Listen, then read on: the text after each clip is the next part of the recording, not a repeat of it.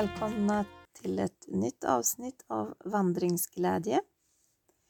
Idag tänkte vi ha lite specialtema eller vad man ska säga. Vi tänkte prata om en specifik vandring som vi precis har gjort. Och det är Norbergsleden som ligger i norra Västmanland, inte så långt ifrån, eh, man kan säga att det ligger mittemellan Fagersta och Avesta. Ja, precis.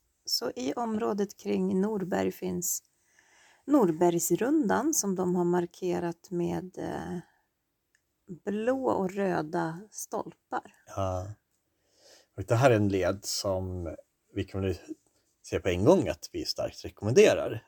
Mm. För att det är en, en eh, led som går parallellt eller delar sträckning med Bruksleden. Och Bruksleden i sig har kanske ganska mycket tallskog eh, och liknande. Medan den här har sträckningen är både i stadsmiljö, det är efter grusväg, det är efter stig, det är gruvområden och det är eh, ja, lite öppet också kan man säga vid sjöar och sånt. Så att den har Mm. allt. Och mycket så sevärdheter och skyltar med information. Ja, Men vi kan ju ta det från början lite grann vad som... Eh, mm. vi vad- gick åt fel håll kan man säga. ja. Men det ville vi, det var planen, vi ville det. ja. Den här leden är, man kan säga att den, det, det är en sträckning som går runt. Vilket gör det jättebra om man ska parkera. Att man kan... Eh, man kommer lätt tillbaks dit var man nu väljer att börja och sluta någonstans.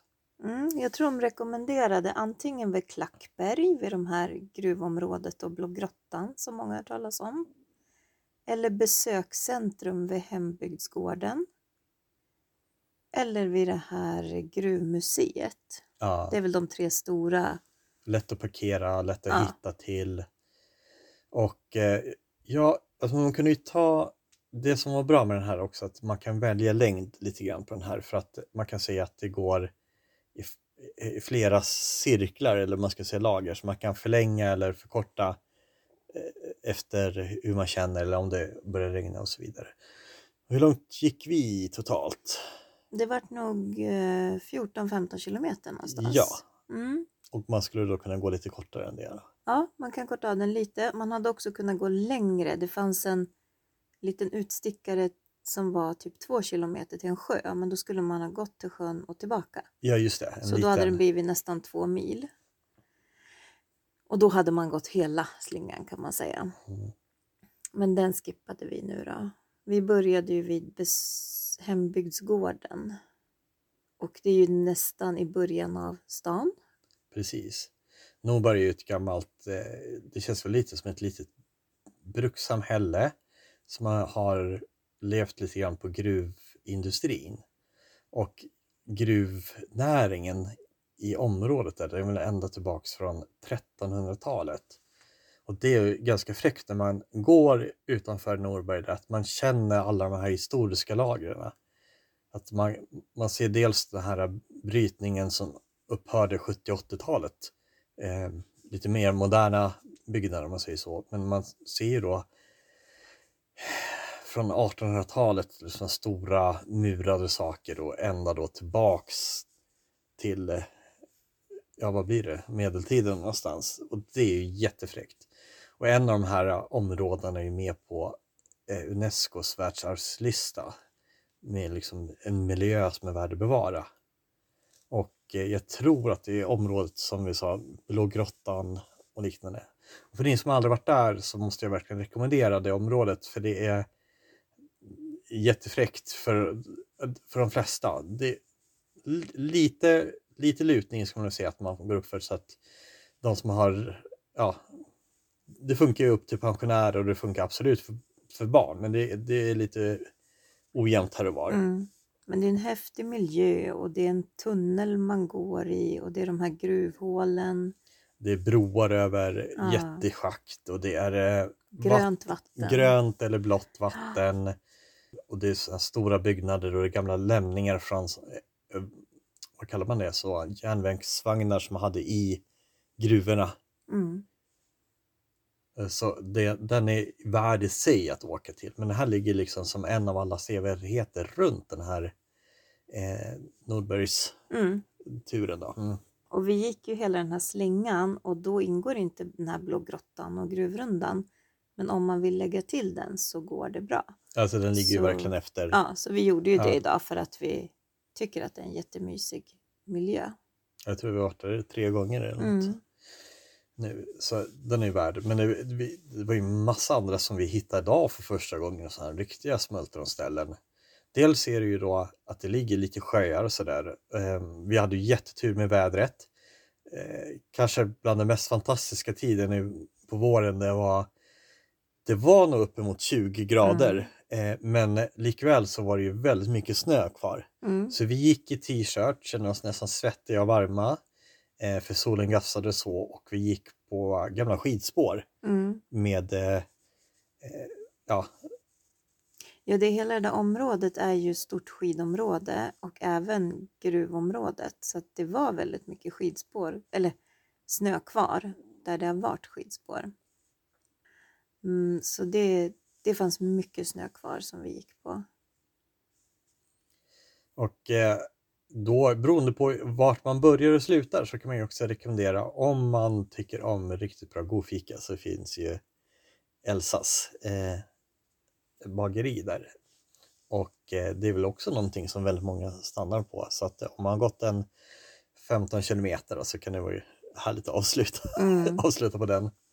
Vi gick åt andra hållet så vi började ju med att gå förbi den för att gå in liksom genom stan direkt. Så man går liksom mitt igenom stan, rakt igenom och sen ut mot en annan stor gruvbyggnad. Ja. Jag vet inte riktigt vad det var, men det var en jättestor gruvbyggnad och sen kom vi upp till gruvmuseet. Ja, precis. Det finns ju både museimiljöer och så finns det ju en del, nu gick inte vi upp där, men också utkiksplatser Mm. där man ser ut över hela... Fanns det? Gick vi inte dit? Vi var väldigt nära där. Va? Jag vill ju gå till alla utsiktsplatser som finns. Precis. Så att det, det finns någonting för alla känns det som. Och just att den, den st- stora delen av, av leden, alltså den går ju lite på grusväg, den går förbi lite äldre hus och villaområden. Eh, och sen även lite på stig och så här. Så att det, men jag skulle säga att det är inte tekniskt svår Nej. utan lättillgänglig. Det, det är egentligen mest för den här blå grottan och sånt som kanske är lite mer lutning och så här. Jo, ganska mycket så här parkbänkar eller grillplatser. Till och med en, andningsbänk. kändes som en pilgrimssoffa ja, Ja. som stod vid ett postlådeområde. Mm. Ja, Och mycket titta på. Det liksom konstnärer som ställt ut statyer i trädgårdar och det är vi gick ju förbi där som heter Svinryggen. Ja just det, den var, den var läcker. Det var jättefint. Det var också en liten avstickare. Och då finns det också en informationsskylt och en sån här som man kan scanna en QR-kod och få mer information. Och det var ju malmhål de hade Ja, grävt. det var ganska många va? Det var ju 18 stycken för det stod att man behövde inte gräva djupare än typ 6 meter. Ja, Så att när man hade kommit ner 6 meter och fått upp allt då bara flyttade man vidare några meter åt sidan och fortsatte. mm. Så gjorde man det ganska lång bit. De använde ju långt in på 1900-talet alltså samma verktyg som man gjorde på nästan på medeltiden, att använda hacka. Och vissa, vissa av de här äh, hålen var väl ner till 90 meter så man kan förstå vilket hårt, tungt arbete det har varit. Mm. Och det, det, sitter, det är ju lite utemuseum också det här, att det är ju en del fotografier och liknande från den här miljön, vilket gör det ännu mer läckert att gå den här, liksom att få den här känslan hur alla hade det liksom. Med. Det var ett tungt, hårt liv och det var både kvinnor och barn och män som, som kämpade med det här. Sen hade vi också, när man kommer till eh, bygdegården så var det också en väldigt eh, välvärd avstickare. På sommartid från maj och framåt så är det öppet och det är kafén och liknande om man, om man vill passa på. Men det är också uppbyggt, eh, det hette väl sån här lapphyddor och kolmilor. Ja. Hur det såg ut på medel, ja, senmedeltid kanske. Ett liksom utemuseum som Ja. är öppet året runt. är det så- friluftsmuseum eller kallar man det för? Ja, Ja. och så gick man liksom igenom det och kom vidare ner till massor med små byggnader.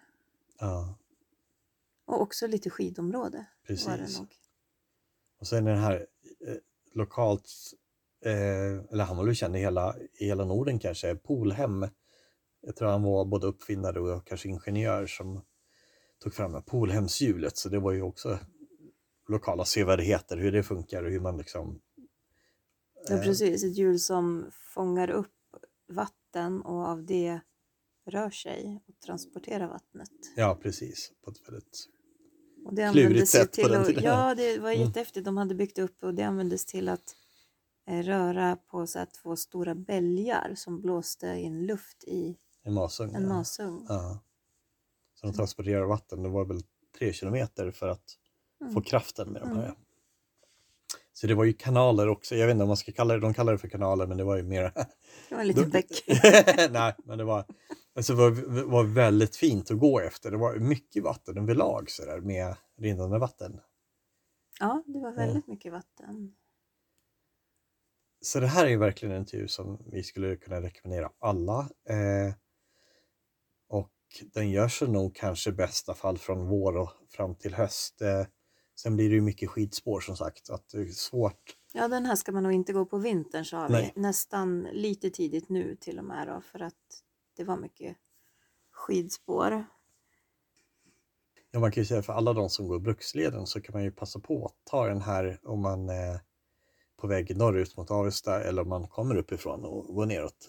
Det är för att få lite mer kanske kultur och historia runt Mm. och, och variation speciellt. Ja, Bruksleden är ju otroligt bra skyltad måste vi säga. Den delen var jättebra. Eh, skyltningen lite genom stan, eller genom stan, var jättedålig. Ja, Där hörde vi Naturkartan, appen och gick på den. Och sen vet ju vi inte riktigt om vi gick åt fel håll eller inte, men ibland kändes det så. Och då fick vi lov att kolla Naturkartan igen. mm, Så det, det, var, var ganska inte... ofta, det är att pilarna är Mm. anpassade från ett håll känns det som. Mm.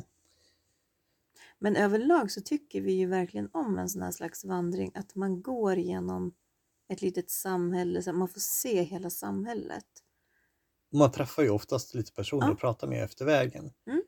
Eh, ja, speciellt i små samhällen. Vi pratade med, med flera tycker jag, det var Mm. många som var Alla var väldigt så här, trevliga. trevliga. Större samhällen så blir det väldigt sällan att folk har möjlighet att stanna på samma sätt. Man blir mer anonym. Mm. Och det är det som är så trevligt med de här små, lite pilgrimsvandringskänsla. Mm, det tycker jag. Nej, alla var väldigt trevliga som vi träffade. Så. Jag, fick tänka, jag tänker också på vad vi hade för matsäck och så. ja. Men eh, ja, vi hade ju mattermosar med varsin. Eh, med det, pasta och köttfärs. blandade ihop allt i en stor röra och stoppade i mattermos. Och det var jättegott för man behöver lite ordentlig mat känns det som. Mm. Och sen hade vi ju kaffe och frukt och lite så. Så att vi klarade oss väldigt bra. Precis. Och som sagt så finns det ju lite fik och lite liknande när man kommer in runt Norberg att fylla på med. Så eh, hur många, vad får den här för betyg? Den delen? Mm. Kanske åtta av tio. Ja, jag, jag tänkte med det. det. Vi har nog kanske varit på vackrare men det kanske inte så många som varit så varierade. Som Nej, den är varierande och det händer något hela tiden och det finns mycket att se. Så Bergslags folk har det väldigt bra tycker jag. Den här är bra. Mm. Verkligen sevärdhet. Så rekommenderas. Mm. Ja, så det var det avsnittet handlade om idag. Och har ni några önskemål om något som ni vill höra om eller att vi ska prata om så är det bara att ni skriver till oss.